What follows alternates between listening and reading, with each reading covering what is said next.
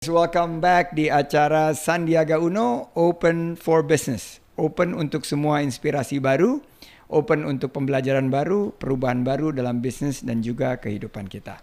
Bintang tamu kali ini, wow, seorang businesswoman, superwoman, perempuan hebat, perempuan mandiri dan perempuan pertama guys. Perempuan pertama dalam sejarah yang saya undang ke Sandiaga Uno Open for Business. Yeay! Wah. Dia bukan hanya seorang entrepreneur, tapi juga motivator yang sangat handal, inspiring person, hingga cerita hidupnya diangkat dalam novel dan film yang hits banget. Kita sambut Mary Riana. Ah. Mana drum roll? How are you? Hi, I'm How good. you? I'm good. How are you, Pak Sandi? Terakhir kali ketemu kita di show-nya Mbak Mary di uh, radio, terus ke Betul. TV TV juga. juga. Dan sekarang ketemu lagi, senang banget. Uh, sibuk apa nih sekarang? Saya yang senang, saya yang bersyukur. Aku tuh kayak tiga bulan bener-bener literally di rumah aja dan bener-bener membatasi untuk keluar rumah.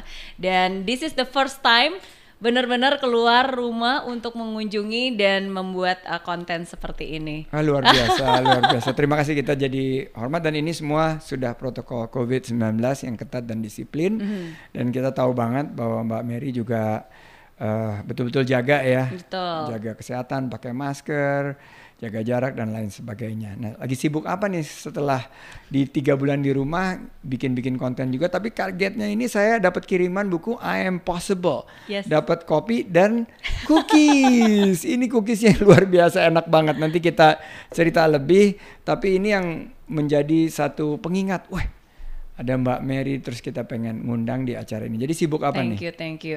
Em, sibuk untuk beradaptasi dengan adanya pandemi corona ini dan ini salah satu produk dari hasil kreasi yang dibuat selama tiga bulan di rumah aja. Termasuk juga buku. Maksudnya kalau selama ini mungkin em, biasanya nggak ada waktu untuk bisa mengerjakan banyak hal karena mungkin sibuk aktivitas di luar segala macam tapi mungkin dengan adanya COVID-19 pandemik ya kita semua kan dipaksa untuk beradaptasi, dipaksa untuk bisa kreatif dan akhirnya em, buku pun juga jadi terbit.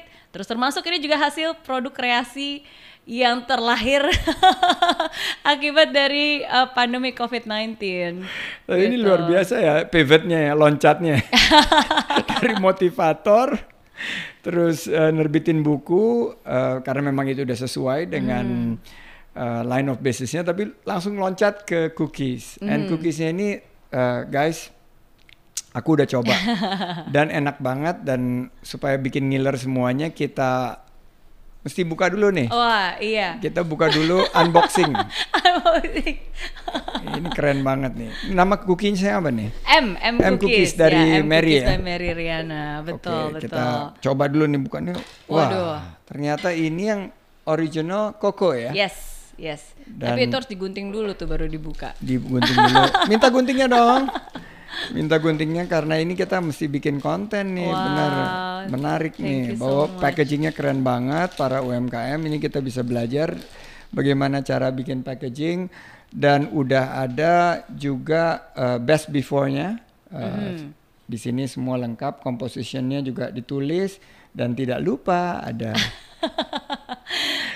Penyemangatnya. ada foto penyemangat brandnya. dengan tulisan dari hidup ini indah asal kamu bisa menghargainya. asal kamu bisa menghargainya. Nanti kita coba eh, makan nih, kelihatannya enak banget nih. Guntingnya udah ada. Wow. Kita makan dulu sebagai Aku bar deg-degan loh. barbuk. Kalau yang velvet aku udah coba kemarin, Iya, sekarang iya, aku iya. coba original coco. Original coco, Yes. guys. And bite size lagi ya. Iya. Plung begitu ya? memang memang kan love at first bite. Hmm, Bismil. Hmm. Oh. Hmm. Hmm. This is sinful. This is simple ya. Enak Ketagihan banget. biasanya. Thank you so much. Enak Terima banget. kasih. Terima kasih Pak Aku Sandi. rekomen banget nih. Thank you M so cookies. much. Thank you. Tapi itu satu hal sih yang saya selalu salut dari Pak Sandi. Um, maksudnya terakhir kali kita bertemu udah lama banget ya. Maksudnya dari sejak waktu itu Pak Sandi juga bersedia untuk datang ke acara saya di radio, di TV. Um, sampai hari ini nggak ada yang berubah. Tetap rendah hati, tetap baik, tetap um, tetap humble itu yang membuat saya akhirnya ketika Pak Sandi ngajak ngundang ke sini lagi I'm more than happy. Terima kasih banget. datang. Tapi bukunya keren banget. Aku udah baca dan asli ini yang ditulis di situ kan kolaborasi banyak uh, nulis dan banyak penulis juga dan betul banget nggak ada orang yang sukses tanpa pernah merasakan gagal. Ya, Tidak ada satu kesuksesan tanpa kerja keras. ya, Dan kegagalan adalah anak tangga untuk mencapai kesuksesan. Betul. Semakin banyak kita merasakan tantangan itu adalah semakin uh, besar kemungkinan kita belajar Ya. dari tantangan tersebut. Dan saya pernah baca novel dan lihat filmnya karena filmnya jadi konten di uh, waktu itu pergi ke mana gitu di pesawat ada gitu terus nonton dan uh, ibaratnya kita jatuh 9 kali kita bangkit 10 kali dan itulah kunci kesuksesan kita. iya. Nah, saya ingin mengupas sedikit mengenai kisah hidup Mary Riana. Mhm. Nah, saat terjadi kerusuhan tahun 1998, eh, Mbak Mary ini 18 tahun saat itu Betul. merantau ke Singapura, mengambil kuliah di Nanyang University padahal cita-citanya masuk Trisakti. Trisakti. aku juga tahun 98 terbalik. Oh iya. Teba- waktu tahun 98 aku malah balik ke Indonesia karena di PHK. Mhm. Nah, saya mau tanya apa yang eh, Mary Riana rasakan eh, hingga akhirnya memutuskan untuk eh, merantau keluar Iya. dari Indonesia menuju Singapura. Iya. Waktu itu tahun 98 ya, sekarang 2020 berarti udah 22 tahun yang lalu. Terus terang pada saat itu sebagai seorang anak SMA yang usia masih 18 tahun, saya nggak ngerti apa yang terjadi di Indonesia pada saat itu. Maksudnya kan kita belum benar-benar melek politik, kita nggak sama sekali nggak tahu. Tapi yang saya ingat adalah ya ketika waktu itu baru mau ngambil formulir pendaftaran di Trisakti, terus tiba-tiba sorenya ada peristiwa penembakan Trisakti. Terus masih ingat banget waktu itu sore-sore pas lagi saya Literally, literally besoknya itu ya. Uh, yes, pada saat itu, uh, maksudnya sorenya, sorenya, Sorenya ya. betul. Nah, tapi kan waktu itu saya nggak nggak gitu ngerti gitu what's going on. Dan sebenarnya puncaknya kan pas kerusuhan. Hmm. Jadi pas lagi kerusuhan itu saya masih ingat banget lagi di rumah, terus ngelihat TV. Di TV itu ada um, um, Mangga Dua, jembatan yang mau ke Mangga Dua, terus rame segala macem banyak orang dan dan pada saat itu ya ya Udah terus bakar-bakaran tuh. Uh, udah udah udah bakar-bakaran dan kebetulan dekat rumah saya pun juga kan ada supermarket itu ada Hero itu juga sudah dijarah dan uh, banyak orang yang menjarahnya tuh karena saya tinggal di di tempat uh, dekat juga dengan perkampungan jadi banyak dari mereka setelah menjarah tuh lewat rumah saya untuk balik ke rumahnya. Jadi tuh ngelewatin rumah literally. Dan uh, dan dan pada saat itu kan saya, saya sama sekali nggak ngerti apa yang terjadi ya. Maksudnya saya nggak tahu kenapa ini bisa terjadi dan seterusnya. Cuma karena pada saat itu orang tua juga sangat khawatir akan uh, masa depan saya terutama masa depan pendidikan. Dan kebetulan juga um, pada saat itu pemerintah Singapura mengulurkan bantuan juga kepada beberapa pelajar di Jakarta. Jadi karena saya sekolah di salah satu sekolah unggulan di Jakarta, jadi waktu itu kita dapat tawaran nih, mau nggak bisa kuliah di Singapura. Nah, kalau sekarang masuk NTU mungkin susah ya tesnya, Oh, ada susah banyak banget. one of the one of the best school di Iya, Asia. betul. Jadi pada saat itu mereka mengulurkan bantuan kepada beberapa pelajar di Jakarta. Jadi beberapa sekolah unggulan dan orang-orangnya tuh bisa sekolah di sana, nggak perlu pakai tes. Jadi saya ingat banget begitu dapat nilai NEM, eh, saya sama papa tuh langsung ke wartel, terus ngefax hasil nilai untuk bisa dikirim ke sana dan diterima Wow. gitu dan akhirnya ya udah ngutang eh, karena ya karena bukan nggak pernah direncanakan kan untuk sekolah di luar negeri ya akhirnya eh, ngutang sana sini untuk memastikan bahwa saya bisa melanjutkan kuliah saya pada saat itu di sana jadi ketika eh, saya pergi ke sana ya sama sekali sama sekali perasaan campur aduk antara bersyukur karena saya masih bisa melanjutkan kuliah tapi juga khawatir karena saya nggak tahu nih kalau saya pergi ke sana nanti keluarga saya gimana? Apakah saya bisa ketemu dengan mereka? Apalagi kan Oh, karena itu- sendiri ya? sendiri gitu, sendiri. Nggak ada siapa-siapa gitu bertahan di sana.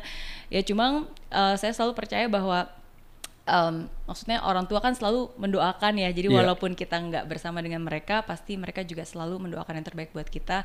And ya saya berjanji pokoknya suatu saat saya harus kembali ke Indonesia kembali ke Indonesia sebagai orang yang sukses gitu jadi eh, bukan sesuatu yang direncanakan untuk saya kuliah di Singapura ya tapi eh, sesuatu yang akhirnya dari krisis membentuk seorang Mary Riana menjadi Mary Riana yang sekarang Ya krisis membangun satu ketangguhan ya. Iya Dan sesuatu yang unexpected itu kalau kita bisa mengambil hikmahnya malah menjadi satu pengungkit untuk kita uh, menjadikan hidup kita lebih sukses lagi ke depan. Betul. Tapi saya dengar katanya hidup pernah dengan hanya 10 dolar Singapura Setiap per minggu. betul. 10 dolar Singapura per minggu itu sekarang kan Singapura 10 ribu, jadi Iya, 100 ribu. 100 ribu. 100 ribu per minggu. Tapi waktu itu gimana tuh 100 ribu per minggu tuh hidupnya?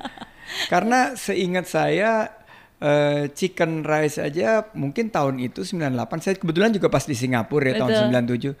Paling murah juga sedolar 50 kali. Iya, betul. Sedolar betul, 50 bener betul, kan? Betul, Di betul. hawker center gitu. Betul, betul. Berarti- Sedolar 50 sampai 2 dolaran Ya, lah. sampai 2 dolar. Berarti bener-bener hemat ya. Benar, benar. Jadi itu itu pun juga uh, di luar perkiraan Pak Sandi karena um, kan sebelum pergi ke sana ya karena orang tua juga bukan berasal dari keluarga kaya raya, akhirnya kita dikasih pinjaman nih sama NTU. Oke, Hmm. mau ada study loan dan ada uh, personal loan lah, tuition fee loan dan juga personal loan. Nah, orang tua pikir ya udah cukup lah uang untuk bisa hidup dan biaya hidup di sana dan, dan kuliah. Ya tapi ternyata begitu sampai sana loan yang dikasih itu bukan untuk biaya hidup tapi itu sebenarnya kayak seperti uang tambahan gitu. Jadi amat sangat nggak cukup. Nah kagetnya adalah ketika hari pertama saya nyampe ke Singapura kan udah malam tuh, Iya. terus ke kantin belum makan seharian terus pesan makanan dan satu nasi goreng itu harganya 2 dolar. Terus dikursin ke rupiah waktu itu kan 20 ribu gila nasi goreng mahal banget gitu kan. Terus uang saya nggak akan cukup nih kalau seperti ini dan di situlah akhirnya saya sadar bahwa ternyata nggak bisa. I have to survive with just 10 dollar every week. Itu kalau nggak salah ada di movie-nya tuh waktu Ada pertama datang ya. Tapi cerita ini mengingatkan eh, aku ya hampir sama ya. Jadi 98 kita criss crossing. Saya Hmm. pulang tahun 97 ke Indonesia karena di PHK Hmm. Dan memulai hidup baru di Indonesia Hmm. betul-betul dari nol. Eh, mencoba eh, karir sebagai pengusaha karena Hmm. di PHK keadaan krismon terus akhirnya saya buka usaha Hmm. Mary ke Singapura. Nah terus juga di sekolah katanya dengarnya sambil kerja juga ya kuliah sambil kerja. Iya, itu ya di saat saya sadar bahwa saya nggak bisa hanya uh, berserah dengan keadaan, I have to do something dan akhirnya udah saya mulai mencari pekerjaan dan mulai mencari uang tambahan lah dengan bekerja di saat-saat kuliah. Oke Gitu. itu untuk nambah-nambah uang jajan beli Singapore chicken rice. Wah itu luxury banget Bang Sandi. Saya nggak pernah makan chicken rice sebenarnya pada saat itu. Jadi makannya ya ya roti tawar yang diirit wow. Dan makanan yang termahal pada saat itu adalah em, kan di sana ada kayak makanan Kaya. kayak warteg gitu tuh jadi Oh, pesen warteg. nasi Mm-mm. biasanya kan sama mau pesen satu Tapau sayur tapau. biasanya Bener ya, tapau ya tapau bener bungkus bungkus ya Bungkus. kan nah biasanya kan ada Karena kalau pilihan bungkus biasanya dikasihnya lebih banyak gitu ya. kok Pak Sandi tahu Tahu tapau gitu loh. tahu tahu. Nah jadi biasanya kan suka pilihan nih mau na- makan nasi sama nasi sama sayur atau mau sama daging lauk pauknya berapa. Hmm. Nah yang paling murah waktu itu saya ingat 1,1 satu dolar satu 10 sepuluh sen. sen. Nah itu nasi tapi sama sayurnya satu. Jadi ya udah Oh. saya pesen nasi sama sayur satu. Cuma kalau di kantin biasanya suka ada dikasih kuah. Ah. Ya udah saya ambil sendiri kuahnya. Banyakan untung-untungan di kuahnya itu bisa ada daging tersisa. itu ekstra buat saya. Jadi uh, that's my luxurious makanan itu ya satu dolar 10 sen. Itu nasi sama sayur sama kuah gratisan. Gila itu sih survival banget ya. survival banget dan jadi cerita ya luar biasa karena waktu sekolah em, aku juga kerja eh, nyambi gitu loh untuk eh, nambah eh, mulai dari jadi asisten di eh, lab komputer, memberikan tutor dan nambah-nambahin dan memang itu ya penuh perjuangan ya. Iya. Pernah menjadi supir jemput anak-anak eh, kuliah atau anak-anak sekolah yang baru mendarat. Oke, Jadi wow. em, ya ngejalanin begitu ya merupakan bagian daripada perjuangan di Iya. Amerika apalagi em, ya juga sama eh, tantangannya sama di Singapura kan very kompetitif ya. Betul. Singapura itu kan kompetitif banget. Iya. Tapi waktu itu tinggalnya di mana? Saya waktu itu eh, ada di wilayah dekat eh, em, Holland Village di sebelah oh, sana. oke. Kalau Sama-sama di barat ya. Saya Di tinggal di asrama. Di asrama di, asrama Nanyang. di Nanyang. Ya di situ juga kan? Sama di Jurong West. Di Jurong West ya. Terusan lagi dikit ya. Betul, betul. Terus itu satu kamar berapa eh, Dua. sa- sama eh, ada roommate. Ada roommate gitu. Itu udah yang termurah dan dari asrama kan memang disubsidi ya sama pemerintah. Eh maksudnya sama sama universitasnya, Universitasnya. juga. Gitu. Tapi Um, ya tapi mungkin kalau dari Ada yang kamar mandinya nggak di dalam? nggak ada lah. Mandinya ko- ko- eh, common bathroom ya? Common bathroom betul Oke, satu lantai satu. Jadi pagi-pagi jalan ke ini. Pagi-pagi jalan ke situ untuk gitu. Ganti-gantian lagi ya. Ganti-gantian Dan bener. katanya sempat utang 40 ribu Singapura dollar. Mhm. Siapa saat itu yang mau memberikan utangan dan gimana ngembaliinnya waktu itu? Iya, ya utangnya sama um, Sama NTU sekolah. sama sekolah. Oke, waktu jadi itu bagian kasih- daripada betul, uh, student betul. loan ya. Betul, student loan sama tuition fee loan. Jadi um, kan mereka bisa ada pilihan tuh mau ngambil yang 80% loan atau 80% plus 20%. Nah, jadi waktu itu saya ngambil ya udah sebanyak mungkin yang bisa saya ambil seboleh masih bisa boleh gitu. Walaupun ternyata masih belum cukup juga kan. Iya. Nah, tapi uh, waktu itu untungnya dari uh, sekolahnya pun juga memberikan kemudahan. Jadi ini utang tapi hanya akan dibayar begitu lulus. Jadi selama kita kuliah itu nggak perlu nyicil bayar, tapi begitu lulus baru harus sudah mulai dicicil bayarnya. Sekarang udah lunas. Udah dong. Jadi bersyukur itu juga yang membuat saya selalu bekerja keras. Puji Tuhan banget Puji ya. Tuhan uh, enam bulan setelah saya lulus akhirnya saya bisa bayar hutang-hutang itu lunas Alhamdulillah. cash. Bisa enam bulan langsung lunas. Enam bulan begitu. Empat puluh ribu dolar. It took me almost two years. Itu. Aku waktu itu juga utang waktu uh, setelah di PHK ya biasa lah tinggal di Singapura waktu itu masih muda um, nggak nabung gitu terus um, akhirnya kepake semua uh, uangnya dan begitu ada credit cards bill terus ngutang-ngutang-ngutang uh, saya akhirnya waktu kehilangan pekerjaan minta sama banknya untuk di reschedule baru lunasnya itu hampir 2 tahun 18 bulan lebih Oke. jadi yang ngerasain juga lah nyicilnya dan luar biasa ya Dan udah tapi nggak enak kan kalau rasanya punya utang tuh kayak Nggak enak banget. Nggak enak. Apalagi kalau utang sama istri karena habis itu saya utangnya sama istri Oke. nah sekarang bicara karir Iya. setelah lulus enam bulan eh, itu bisa lunas ngapain aja tuh bisa kok tiba-tiba income-nya boom terus bisa bayar 40 ribu 40 ribu dolar guys itu 400 juta lebih Iya. Coba kita tanya sama Mary Riana apa yang dikerjakannya sampai punya income di atas 400 juta dolar. Iya iya. Eh, 400 juta rupiah. 400 juta rupiah pada saat itu. Uh, pada saat itu saya terjun di bidang sales. Jadi saya menjadi entrepreneur. Tapi orang mungkin lihatnya wah begitu lulus kuliah 6 bulan bisa langsung sukses. Padahal kan itu prosesnya jauh terjadi sebelum saya lulus kuliah. Jadi banyak jatuh bangunnya, ba- mencoba banyak hal juga gagal, nggak berhasil, ditipu orang juga pernah, uangnya ludes di stock market juga pernah gitu. Nah tapi begitu saya lulus kuliah, akhirnya saya memutuskan untuk memulai baru. Saya berpikir cara apa yang bisa saya lakukan sebagai seorang anak muda yang pengen berbisnis tapi nggak punya pengalaman bisnis sama sekali karena saya ambilnya teknik elektro nggak punya Oh. modal juga gitu kan Insinyur. Insinyur. Jadi waktu itu Pak Sandi eh, satu-satunya kes- Kok bisa jadi motivator ya insinyur elektro gitu. insinyur elektro. Dan akhirnya saya memutuskan untuk terjun di bidang sales. Oke. Jadi waktu itu saya pikir oke, saya ngeliat ada banyak um, orang. Property ya? Um, nah, tapi dari begitu banyak sales, saya memilih untuk terjun ke bidang jasa keuangan. Oh, financials. Financials. Jadi waktu itu menjadi financial consultant, saya menjual produk-produk keuangan, um, Insurance. insurance, uh, reksadana, investasi, kredit card dan lain sebagainya. Jadi dimulai dari situ sesuatu yang sangat simple dan sederhana dan ya dan saya harus belajar lagi semua dari awal tuh. Karena kan kalau di Singapura pada saat itu juga harus ambil license-nya, harus belajar proper financial planning, harus ya semua belajar lagi dari awal gitu. Tapi uh, saya sudah memutuskan bahwa uh, this is something that I really want to do. This is my chance gitu. Itu kesempatan saya untuk benar-benar bisa bekerja keras. Walaupun saya nggak punya modal, walaupun saya nggak punya kenalan siapa-siapa, walaupun saya nggak punya keterampilan, knowledge dan skill sama sekali di bidang itu, tapi saya percaya saya punya keberanian, saya punya waktu, saya punya tenaga. Jadi itu sih modal utama saya. Saya ke- Guys, ini kita bicara Singapura ya. Singapura ini salah satu negara yang paling kompetitif. Eh, dan masyarakatnya itu juga financial literacy-nya tinggi. Iya. Dan untuk seseorang lulusan elektro, engineering, masuk di bidang keuangan terus nawarin produk, itu susahnya setengah mati. Saya pengalaman banget karena eh, selama saya berkarir juga di Singapura, kebetulan di bidang investment management, Iya. itu susah banget gitu loh, ngeyakinin orang Singapura gitu.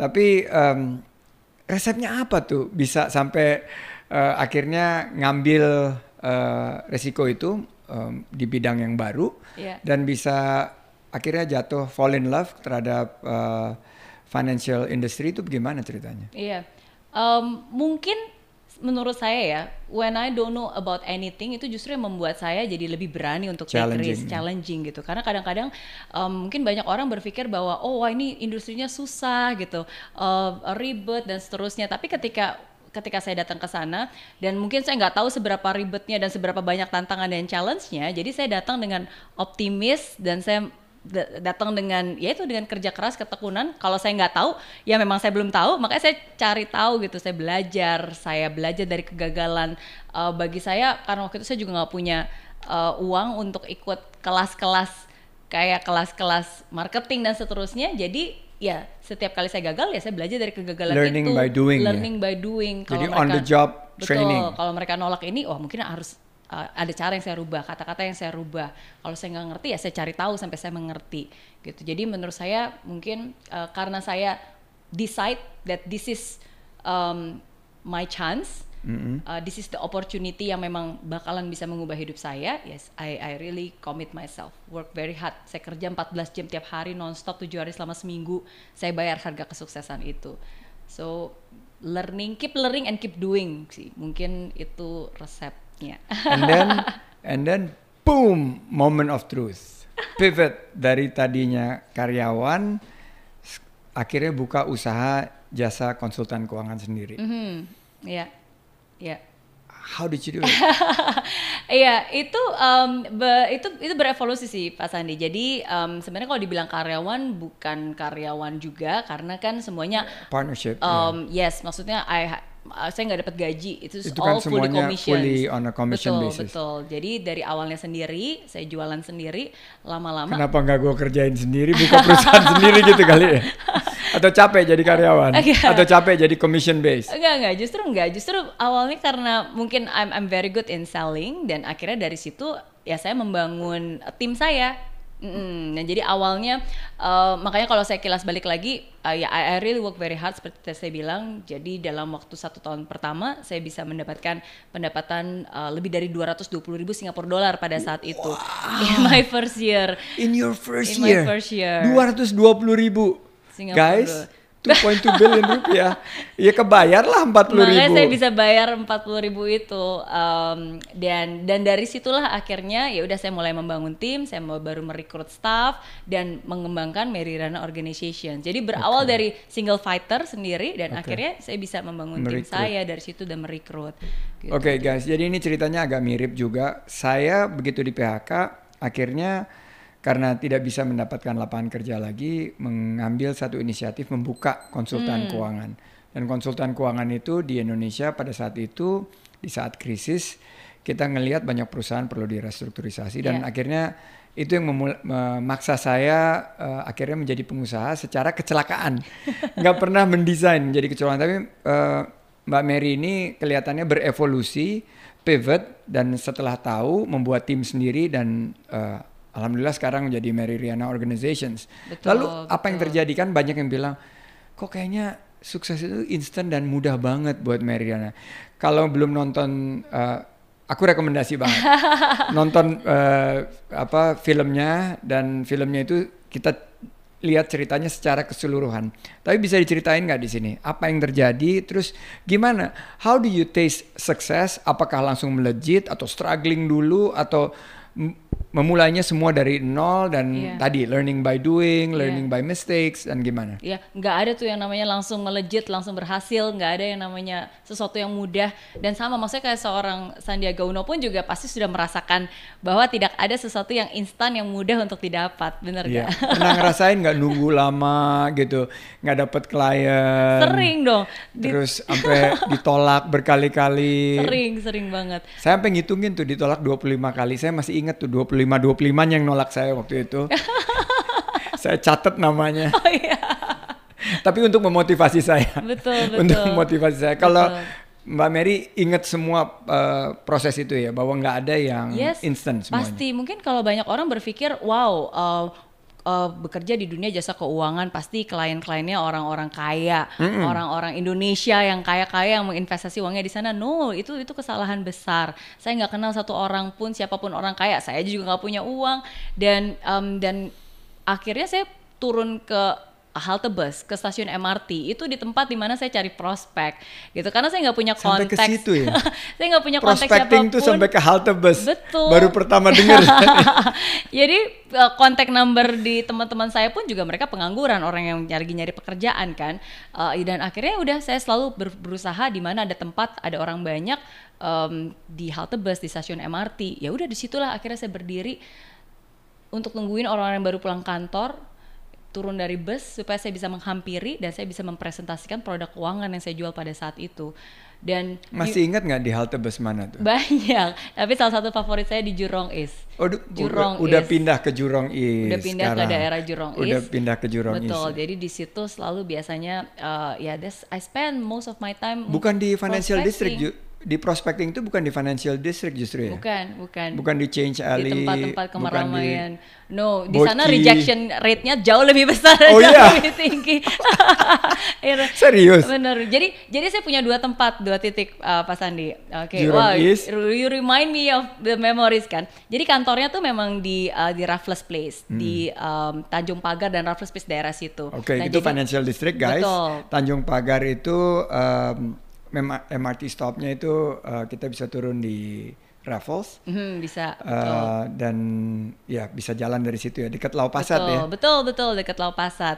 Nah, jadi Lau um, Pasat itu uh, tempat makan tempat nongkrong. makan oke banget untuk orang-orang yang agak punya duit ya.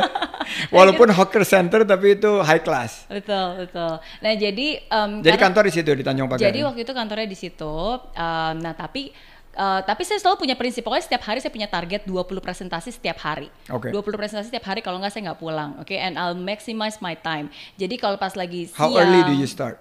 8 o'clock in the morning. Berarti bangun pagi banget bangun ya. pagi betul oke terus ke sana terus biasanya kita uh, biasanya kan ada training dan seterusnya kita belajar kita kita mendu Do- cold calling Cold calling. Do Nah, cold itu. calling. Guys, cold calling itu is the most humiliating job.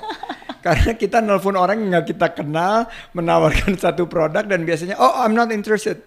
Paling eh, kita kan sering banget tuh dapat telepon-telepon tuh, betul. nawarin kredit card, nawarin segala macam. Itu yang namanya cold call. Betul. Terus terus terus, Betul. seru nih seru. Nah, jadi kalau pas lagi, uh, jadi saya nggak pernah, uh, saya nggak pernah mau berleha-leha dan nggak ngapa-ngapain. Jadi kalau Oke. misalnya saya nggak ada appointment, nggak ada orang pun yang bisa saya temuin, nah biasanya kalau pas lagi jam kerja ya saya turun, saya ke Raffles Place, ke Raffles Alley. Di situ kan banyak orang Ya, nongkrong duduk, banget, ya. saya nyamperin mereka untuk prospecting. Oke, tapi rejection rate-nya itu very very tough dan biasanya saya nggak akan kekejar uh, target saya di situ. Oke. Nah, tapi kan saya punya janji, pokoknya 20 presentasi setiap hari kalau nggak saya nggak pulang. Oke. Nah, jadi eh, kebetulan saya tinggalnya juga di West, jadi on the way back sebelum saya nyampe ke rumah, sebelum saya naik bus, eh, itu berhentinya di Jurong East. Oke. Naik MRT dari Raffles ke Jurong East, baru dari situ naik bus. Nah, jadi saya menyelesaikan tanggung jawab dan komitmen saya 20 presentasi di 20. situ. Jadi biasanya saya di situ saya berdiri mau sampai malam, mau sampai jam 10 malam, pokoknya I have to really finish my commitment 20 presentations setiap hari gitu. Dan Jadi ternyata ini saya baru baru belajar bahwa rejection rate di Raffles lebih tinggi daripada rejection rate. Ini daerah yang financial district ya Raffles ya. Iya. Dan kalau nggak salah itu ada Golden Shoe, bener nggak? Ada. Golden Shoe Hawker Center, bener betul, ya? Betul, apa loh? Apa? Aduh, Karena my office itu di makanan. belakang Caltex House. Oke, Eh, Raffles eh, oke. sebelah belakangnya dulu namanya Hitachi Tower. Hitachi Tower, Hitachi betul. Tower kan itu ada kantor saya. UOB Tower, Hitachi Ya, Tower. ya Hitachi Betul. Tower, terus Caltex House, terus di depannya itu ya tempat kita duduk-duduk kalau makan siang gitu ya. Oh, saya baru tahu itu rejection rate-nya lebih rendah dibandingkan di Jurong East dan itu Jurong East justru adalah daerah industrial ya, Iya. lebih ke arah industri. Hmm, Iya. Menarik, menarik. menarik. nah tapi tapi di situlah tadi saya bilang kan maksudnya kalau dibicara tentang penolakan itu udah pasti banyak banget yang nolak udah pasti banyak banget em, banyak banget kesulitan tapi saya selalu bilang bahwa kenapa mungkin kalau orang dengar wah enak banget ya Mary Riana satu tahun bisa dapat penghasilannya sebanyak itu gitu. Eh, sedangkan saya udah 10 tahun kok pen- apa komisin saya atau sales saya nggak sebanyak itu. Ya, dan mereka akhirnya mengambil kesimpulan hidup itu nggak adil katanya nggak adil. Ah. mungkin Miss Mary suka warna merah makanya bawa hoki. Mungkin mukanya bulat bawa hoki katanya. Tapi I say hidup itu adil. Kenapa mungkin pendapatan saya bisa 10 kali lipat, 100 kali lipat lebih banyak dibandingkan orang lain? Ya karena setiap hari saya ditolak 10 sampai 100 kali lipat lebih banyak juga Betul. dibandingkan orang sales lainnya gitu. Dan dan dan banyak kejadian menarik Pak Sandi karena ketika saya nongkrong di, di stasiun MRT itu Jurong East kan banyak banget tuh yang rejection Iya. Uh, sampai kadang-kadang ada satu orang yang akhirnya jadi klien saya dia nyamperin saya dan tiba-tiba bilang kamu jualan apa sih produk keuangan ya gitu Uh, emangnya apa sih? gitu. Terus saya tanya kenapa? Karena setiap hari saya ngelihat kamu berdiri di situ secara konsisten secara komitmen dan if I want to trust someone to really take care of my financial um, maksudnya keuangan saya, saya butuh orang yang benar-benar komitmen gitu, yang selalu ada di sana gitu. Jadi dia akhirnya nyamperin saya karena dia mungkin setiap hari ngeliatin saya di situ terus. akhirnya he asked for it dan dan akhirnya itu jadi salah satu klien. So again you will never know. Yeah. Itu prinsip saya. Prinsip saya you will never know. We just have to show up dan really do our best. Ya, berikhtiar dan di usia 26 tahun punya uang satu juta dolar. Jadi hingga ada bukunya ya yang bestseller banget berjudul Mimpi Sejuta Dolar. Mhm. Jadi ini yang akhirnya jadi uh, movie Ya. dan sekarang saya ingin teman-teman sudah dengar satu uh, prinsip yaitu ikhtiar yang kuat dan never give up Never give up. berdiri terus di MRT station nungguin sampai dapat klien ini tapi how do you envision ini kan about dream mimpi sejuta dolar Iya. dan bagaimana bisa mengubah mimpi menjadi kenyataan Ya, ya. Uh, it, it's all started way back ketika saya ulang tahun ke-20, Pak Oke. Sandi. Enam tahun sebelum enam tahun dapat. se- betul. Jadi kan ceritanya kalau dirunut balik ya 98 karena kerusuhan akhirnya saya harus kuliah di Singapura, hidup dengan keterbatasan, Iya. ngumpet-ngumpet makan roti di toilet, susah-susah Iya. gitu. So my first two years it was very tough. Uh, ada saat di mana saya menyalahkan keadaan, ada saat di mana saya merasa hidup ini nggak adil, Iya. ada saat di mana saya ngerasa hopeless gitu Uh, dan saya selalu membanding-bandingkan dengan orang lain dan seterusnya nah tapi sampai saya sadar bahwa mau sampai kapan lagi hidup ini hanya sekali hidup saya adalah hidup saya sendiri hidup saya adalah tanggung jawab saya sendiri nah makanya to be exact when I celebrated my 20th birthday di ulang tahun saya yang ke-20 nah pada saat itulah akhirnya saya berhenti menyalahkan keadaan dan saya berani memberanikan diri untuk bermimpi besar gitu. I want to create my own future. Jadi di ulang tahun saya ke-20 gitu saya punya mimpi, pokoknya saya pengen jadi orang sukses, saya pengen bisa bayar hutang-hutang saya, saya pengen membahagiakan orang tua saya, uh, dan kalau suatu saat nanti saya harus kembali ke Indonesia, saya harus kembali ke Indonesia sebagai orang yang sukses gitu. Jadi target saya pada saat itu cuma simple, saya pengen cepet-cepet bayar utang, pengen juga jadi miliarder gitu di, di negeri orang. Nah tapi kan dari mimpi menjadi realita kan nggak gampang ya. Iya. Iya. em, tapi menurut saya itu we have to really appreciate ourselves, sadar bahwa tiap dari kita tuh punya potensi. Em, kalau saya bisa runutin ya, mungkin what is the key to make it happen? Uh, sukses. Sukses ini yang yang sekarang saya menjadikan rumusan. S yang pertama itu uh, select a goal. You have to have a goal. You have to have a dream gitu, dream big. Em, satu target gitu Satu ya. target gitu. tentukan targetnya ya. Betul. Uh, yang kedua itu U, U itu adalah unlock your potential. Oke. Jadi setiap dari kita tuh berharga, kita punya kemampuan, kita punya skill, kita punya kelebihan, and we have to believe bahwa kita tuh punya itu semua gitu. Dan Hmm. kita harus belajar untuk bisa mengeluarkan semua itu, semua potensi dalam diri kita. Oke. Okay, that's that's you. Um, the third one is C. C itu berarti you have to chart the course, chart Hmm. your course. Jadi harus buat perencanaan, harus buat plan step by step, blueprintnya seperti apa. Iya. Iya roadmapnya roadmapnya juga seperti apa, uh, step by stepnya seperti apa gitu. Terus uh, C yang berikutnya itu berarti you have to commit. Komit. Commit to itu your tadi plan. Berdiri di MRT station, di Betul. halte bus itu adalah bagian daripada komitmen ya. Betul betul. Jadi sebelumnya saya buat perhitungan nih untuk saya bisa mendapatkan uh, pen- uh, komisi seperti ini, berarti saya harus jualan berapa, saya harus ketemu berapa orang, ya kan udah di, di breakdown kan. Iya. Berarti kalau gitu komitmen saya setiap hari harus ketemu berapa orang dan seterusnya. And we have to really commit. I have to really commit on that plan gitu. Nah, sukses S U C C E. Nah, E-nya itu uh, expect problem. Oke. Nggak akan mulus nggak akan perjalanan. mulus dan uh, it's better untuk kita mengeks punya ekspektasi seperti itu daripada kita mengekspektasi semuanya kan gampang-gampang saja Oke. karena when we have expectation that there will be problem ya kita bisa lebih prepared Oke. gitu ketika saya sadar bahwa saya akan ditolak jadi dia nolak ya gue juga tahu gitu bakalan Iya. ditolak gitu kan Uh-um. And then uh, success, the S. last S tuh, the last S-nya yang terakhir S adalah uh, you have to stay strong, Stay strong. ya. stay strong. Ya. Wow. Stay strong, finish what you start until the end. And the last one is basically you have to also share your success to others. Jadi ketika kamu sudah Share. berhasil mendapatkan itu, ya kebahagiaan itu kan akan jauh lebih bahagia kalau kita bagikan kepada orang-orang yang berjuang bersama kita, yang menghargai kita, orang-orang yang kita cintai, yang ada di sekitar kita.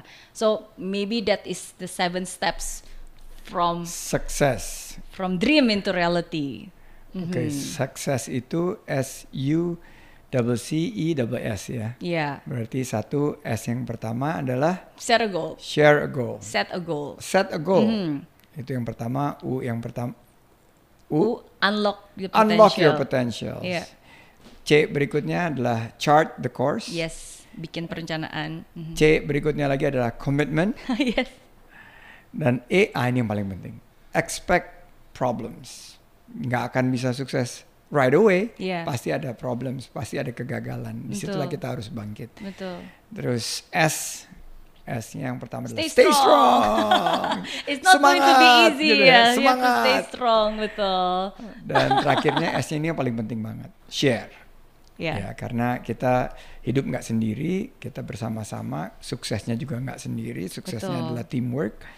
Uh, dan kita harus membagikan sukses ini luar biasa ya.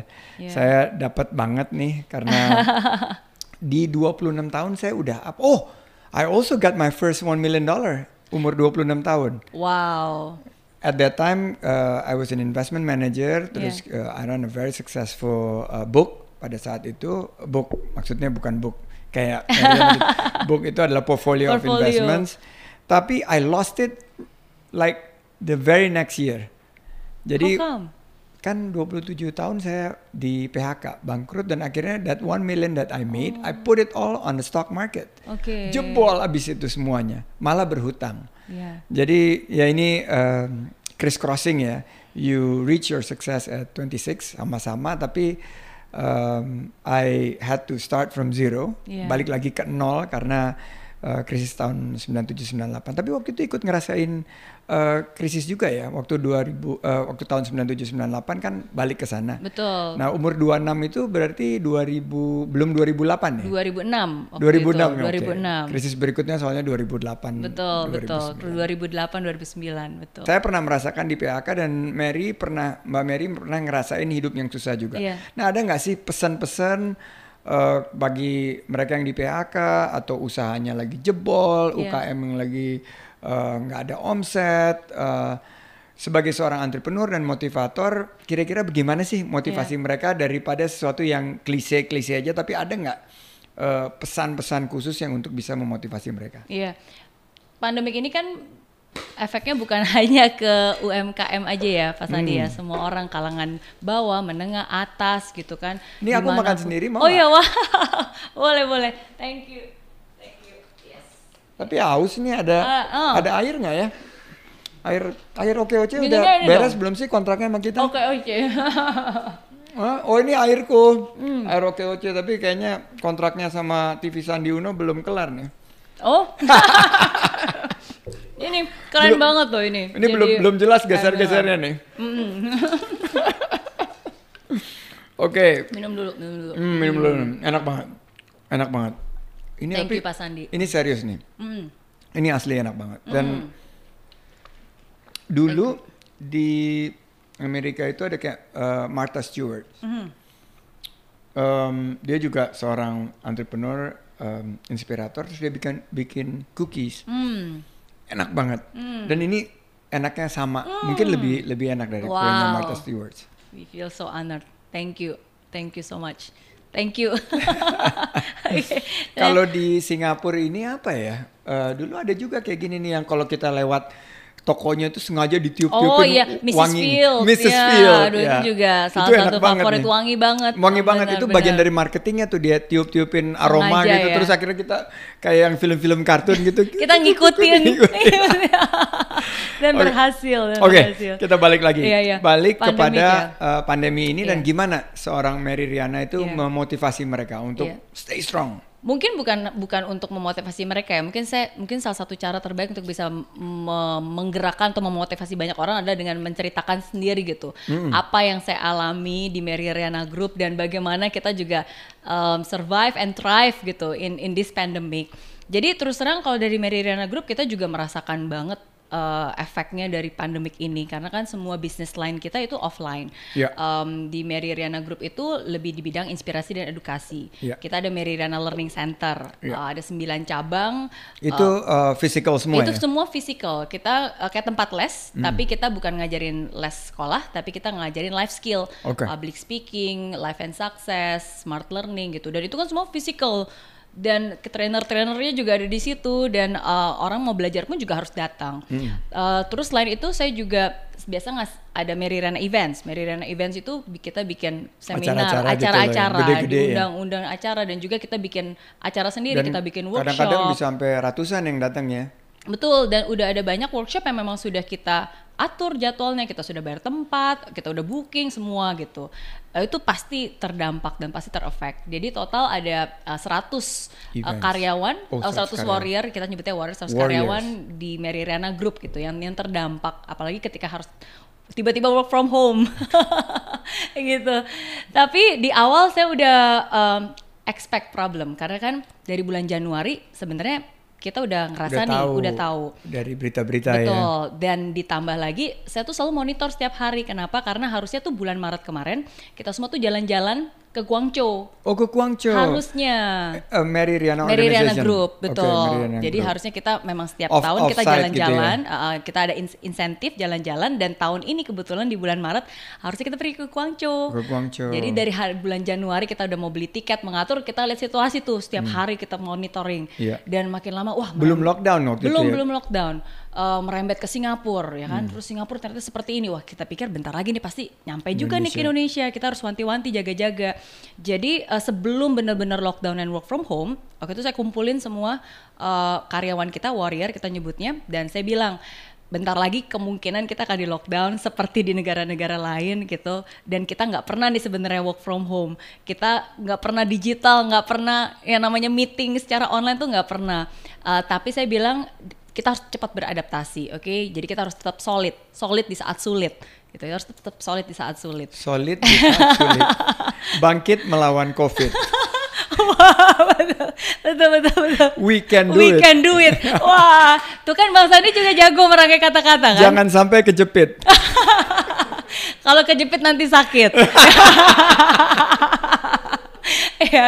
nah itu biasanya kenapa tiba-tiba bisa ada quotes-quotes ya dari Dari dari, situ ya? pemikiran Oke. kita buat Tapi kita ini- catat gitu. Guys, ini distracting banget karena quote-nya ada di bajunya Oh, juga. iya.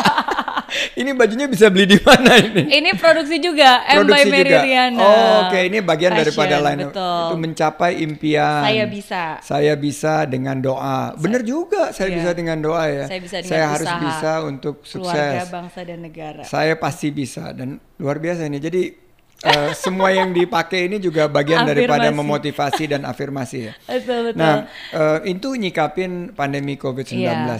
Nah, sekarang kita sudah di bulan ketiga betul. PSBB ini. Betul. Dan Nah, it- go ahead. Dan, dan ini hari pertama eh, Mbak Mary keluar rumah untuk eh, Iya. Do a content and I'm truly honored gitu Iya, loh. iya. Nah, menurut Mbak Mary sendiri berdasarkan daripada yang kita lihat di televisi, Mhm. berdasarkan jumlah kasus, sudah benar nggak sih ini eh, kita melakukan sedikit transisi eh, PSBB menuju relaksasi di bulan-bulan selanjutnya? Iya. Di- Menurut saya life must goes on kan, maksudnya Iya. roda ke perekonomian harus berjalan, roda kehidupan juga harus berjalan dan menurut saya kita nggak bisa hanya terus diam di rumah nggak- dan nggak ngapa-ngapain gitu. Maksudnya kita harus ya again adapt to this new normal. Um, kalau balik tadi ke uh, tips-tipsnya gitu ya untuk untuk para UMKM dan apa apa juga yang yang kami lakukan di Mary Riana Group. um, saya selalu bilang ini yang saya rumuskan sendiri sih dari akhirnya sekarang saya simpulkan biar gampang ingatnya we have to be CEO CEO. of our own self. Yes. Oke, uh, C yang pertama itu adalah kreatif. Kreatif. Oke. Ya, jadi harus beradaptasi. Makanya dari Mary Riana Group uh, bersyukur sampai hari ini pun kita juga belum mem-PHK satu orang pun selama COVID-19 ini. keren, keren. Puji Dan- Tuhan tuh. Puji Tuhan, puji Tuhan banget. Dan kemarin pas Dan lagi semakin banyak yang doain kalau gitu. ya. Amin, amin. Dan pas lagi kemarin uh, THR pun juga kita tetap memberikan THR full dan on time. Alhamdulillah, On time. on time, eh, on time. para pengusaha-pengusaha besar tuh lihat Mary Riana Group on time bayarnya, nggak pakai nunda-nunda. Iya. Ini padahal termasuk belum konglomerat loh, tapi mudah-mudahan bentar lagi jadi amin, konglomerat. amin, amin, amin. Ta- tapi again itu bukan sesuatu yang mudah loh. Bukan berarti karena kita punya banyak uang, enggak. Of course kita ada tabungan, tapi it's just commitment. Tapi kita benar-benar work hard for it, uh, kreatif. Jadi ada banyak hal Kreatif. yang berubah dan baru muncul gara-gara COVID ini. Kalau dulunya kita ada Mary Learning Center ngajarnya offline, sekarang kita bikin Mary Riana Digital Learning. Jadi Digital. kita semua transisi ke Jadi online. pivot ya, Betul. adopsi, akselerasi, digitalisasi. Betul dan uh, dan akhirnya sekarang kita bikin kelas-kelas online. Saya sendiri juga yang mengajar, saya sendiri yang di rumah tuh bikin kurikulum untuk bisa langsung dibuat dan langsung di, Zoom dijual gitu. pakai Zoom dan seterusnya. Um, terus apalagi yang bisa dilakukan? Nah, ini salah satu M Cookies ini juga Oh, baru ini. ada gara-gara um, gara-gara COVID-19 Oke. gitu. Jadi kita punya um, Boleh tahu nggak nih berapa modalnya, terus sekarang omsetnya berapa? wah ini baru banget sih. Baru banget. baru banget, baru banget. Tapi ini kelihatannya sih um, Promising akan booming ya. Amin, amin. Jadi ini kita jual 70.000 ribu. 70.000 satu. Satu ini. Iya. Tapi kalau beli 6 semua varian nanti ada diskon. Wow. gitu. Keren banget. Nah, tapi jadi uh, kar- apa karyawan-karyawan kita tuh uh, warrior-warrior kita sekarang berarti mereka juga apa sih mereka bisa lakukan di rumah? Ya mereka juga bisa jualan. Jadi mereka menjual merchandise merchandise dari Mary Riana Group, produk-produk dari Mary Riana Jadi Group. reseller mereka. Betul. Jadi kita harus ya again kreatif. Um, terus E-nya itu adalah efisien. Creative, efficient, Efisien. O-nya itu adalah online.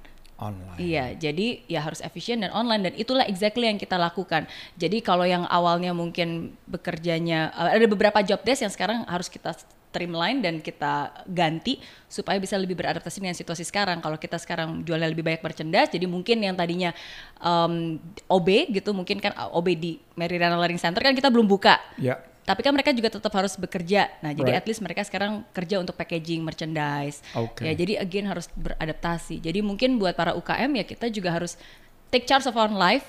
Ya. CEO itu bukan hanya chief executive officer ya, tapi kita ya be kreatif daripada komplain, ubah C komplain jadi kreatif. Kreatif. Ya kan? Gitu. Ya luar biasa. CEO itu juga bisa Chief Everything Officer. Yes. Semua kita Semua kerjain dikerjain sendiri. sendiri. Nah, Iya. tadi kita bicara mengenai nah, ini tentunya kan pukulan yang berat ya bagi ekonomi Indonesia Hmm. dan juga negara kita eh, sekarang lagi berjuang untuk Hmm. mengatasi COVID-19. Apa nih harapan untuk our beloved country Indonesia? Harapan Indonesia ke depan bagaimana dan kira-kira ada nggak eh, satu kita sebagai em, pengusaha bagaimana caranya kita is- bisa ikut berkontribusi? Iya, iya. Mungkin kalimat saya tadi ya, di saat sulit justru di situlah kita harus solid gitu. Jadi harapan saya untuk Indonesia ya Bersatu. bersatu Solid gitu itu untuk sama-sama ya. solid, solid bersatu. Solid itu gotong royong juga. Betul, ya kita tidak menyalahkan keadaan gitu. Karena kan setiap orang pasti punya pandangan yang berbeda gitu. Nggak ada there's no perfect solution for everyone kan. Iya. Ya tapi ya kita harus benar-benar solid karena kita tahu semua yang dilakukan ini untuk kepentingan kita bersama juga kan. Betul. Gitu. And and for me personally my my personal hope for Indonesia um, kan saya selalu adalah orang yang punya mimpi Pak Sandi. Iya. Jadi ketika saya ulang tahun ke-20 saya Mimpi punya mimpi juta dolar. satu dapat satu juta dolar. Ketika saya ulang tahun ke-30, saya punya mimpi bukan untuk mendapatkan berjuta-juta dolar, tapi saya ingin bisa menciptakan dampak positif dalam kehidupan jutaan orang di Indonesia. Jutaan orang Jutaan di Indonesia. Nah makanya itu juga yang membuat saya Udah balik. kali ya dari TV segala macam, dari buku. Iya, Sekarang dari bersyukur. cookies. Bersyukur. nah itu yang membuat akhirnya saya balik ke Indonesia. Ini akan ber- berbuat dampak kepada orang-orang kalau nggak bisa berhenti makan ini, dampaknya akan melebar. Melebar, melebar, melebar, betul. Tapi ini kayaknya ingredientnya oke ya, eh, sehat kan ya? Sehat, sehat, Sehat, sehat. It's sehat all uh, fresh made. Jadi kita nggak pakai kayak bahan perasa. Jadi kalau misalnya ini resin, uh, itu Bener-bener true benar-benar resin. benar-benar resin, benar-benar uh, benar-benar apa kacang dan seterusnya. Gitu. Oke, so uh, kita mudah-mudahan bisa solid, kita bisa bisa sama-sama membangun dan kita bisa berdampak kepada jutaan.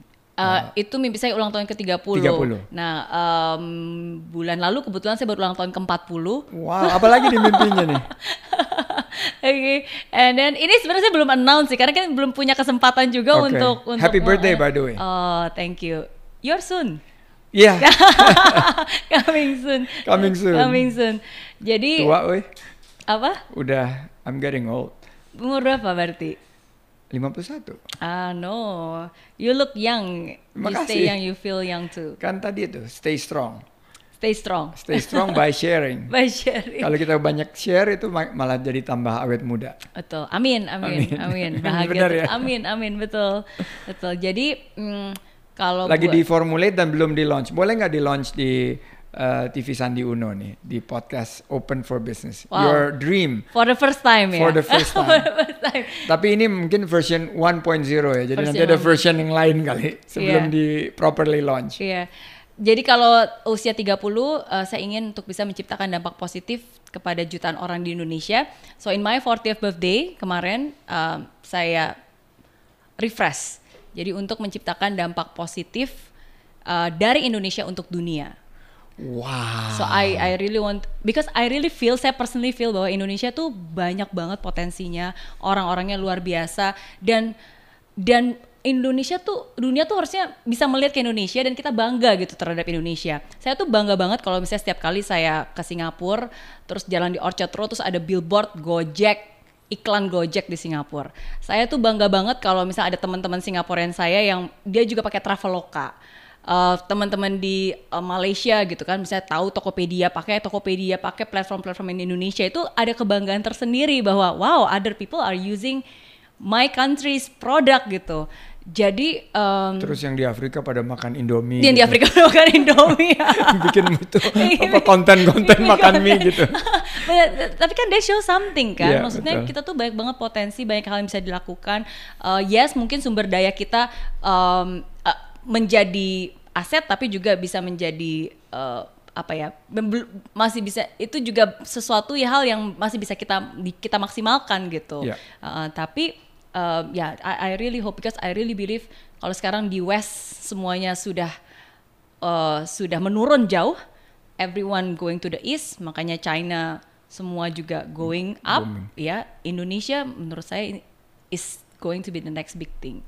Gitu. I I really truly believe in that gitu. Jadi Oke, Mary Riana said it bahwa Indonesia is gonna be the big thing. Nah, ini untuk anak-anak muda milenial, inilah satu peluang buat kita.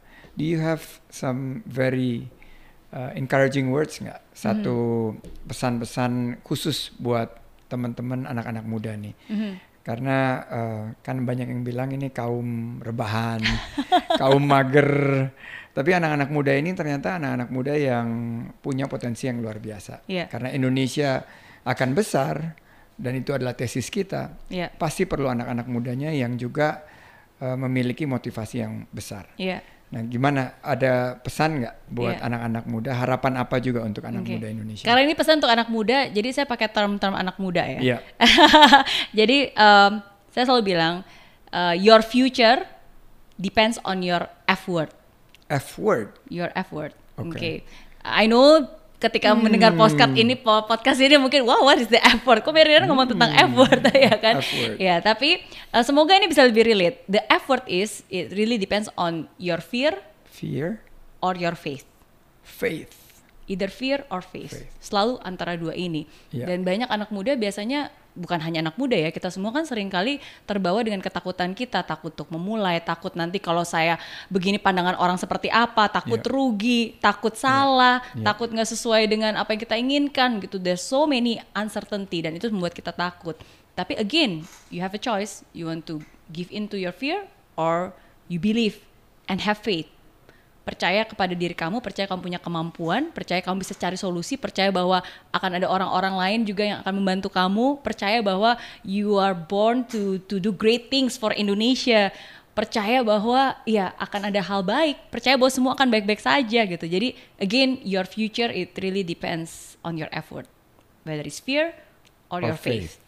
You decide. Fear and faith. Dan hari ini saya ingin ngajak semua di um, Sandiaga Uno Open for Business from fear through prosperity. Jadi from fear to prosperity. Kita balikkan pandemi COVID-19 ini dari ketakutan kita menjadi satu fight Ya. untuk prosperity. Dan saya lihat memang kuncinya adalah tadi uh, luar biasa ya yang di share sama Mbak Mary. Sukses itu kira-kira saya punya juga satu belief ya. Sukses itu set your own goal. Hmm. Bagi saya itu your own goal itu adalah kerja keras. Ya. Uh, bahwa saya belajar dari Mbak Mary hari ini afirmasi bahwa kita untuk menuju kesuksesan itu harus kerja keras. Tapi nggak cukup kerja keras, harus kerja cerdas. Hmm.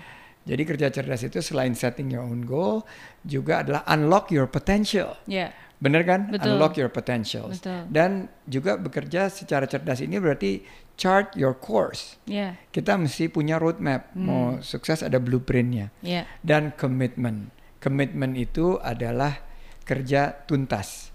Kalau kita That's mau right. kerja, kita harus tuntasin. Ya. Dan ini adalah bagian daripada expect the problem. Ya. Karena kalau kita nggak tuntas, kita dapat problem satu, kita langsung give up. Ya. Kita langsung uh, ya menyerah dan tidak mau fight.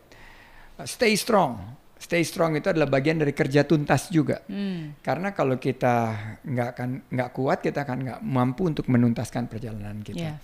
Dan share itu adalah bagian daripada kerja ikhlas. Ya. Karena all your control, uh, all you control is uh, the ikhtiar, Hmm. uh, is uh, the effort. Tapi murni hasilnya itu uh, adalah Tuhan yang Maha Kuasa. Man proposes, God disposes. Hmm. Jadi ini yang mudah-mudahan saya bisa sampaikan juga di sesi yang luar biasa ini bersama dengan uh, Mbak Mary. Thank you very much. No, I'm the Uh, one who thank you. Saya yang selalu belajar banyak. Kerja tuntas, kerja ikhlas, kerja cerdas itu salah satu hal yang sangat menginspirasi saya. Dan hari ini saya belajar CEO. CEO itu adalah creativity, uh, effectiveness, Efficient. and then efficiency. Iya. Dan O-nya adalah Online, online. online. Kebetulan saya dipanggilnya juga Papa Online sekarang. People call me Papa, Papa online. Online. Since the last time we met, they Benar, now uh, call me Papa Online. Jadi guys, netizen yang budiman, inilah uh, ujung percakapan kita dengan Mary Riana yang as always very inspiring dan sangat inspiratif ya, sangat uh, memberikan motivasi kita. Um, tadi kita belajar uh, bangkit di saat sulit, Yes. keluar dari sulit harus solid, Yes, di saat sulit kita harus solid, di betul. saat sulit kita harus solid, menang melawan COVID. Oh iya. Yes, we can do it. Jadi itu uh, satu memes mungkin nanti setelah ini hasil uh, godokan bersama antara saya dan Mbak Mary. Netizen yang budiman, terima kasih. Sampai jumpa lagi di episode yang akan datang. Thank you very much sekali lagi Sama-sama. untuk Thank datang. Uh, dan Sandioga Uno tetap hadir di Open for Business untuk belajar hal-hal yang baru, hal-hal yang menginspirasi, hal-hal yang memotivasi. Open your mind, open your own business. Thank you very much. Thank you. Sampai ketemu lagi. Sukses. Sama-sama.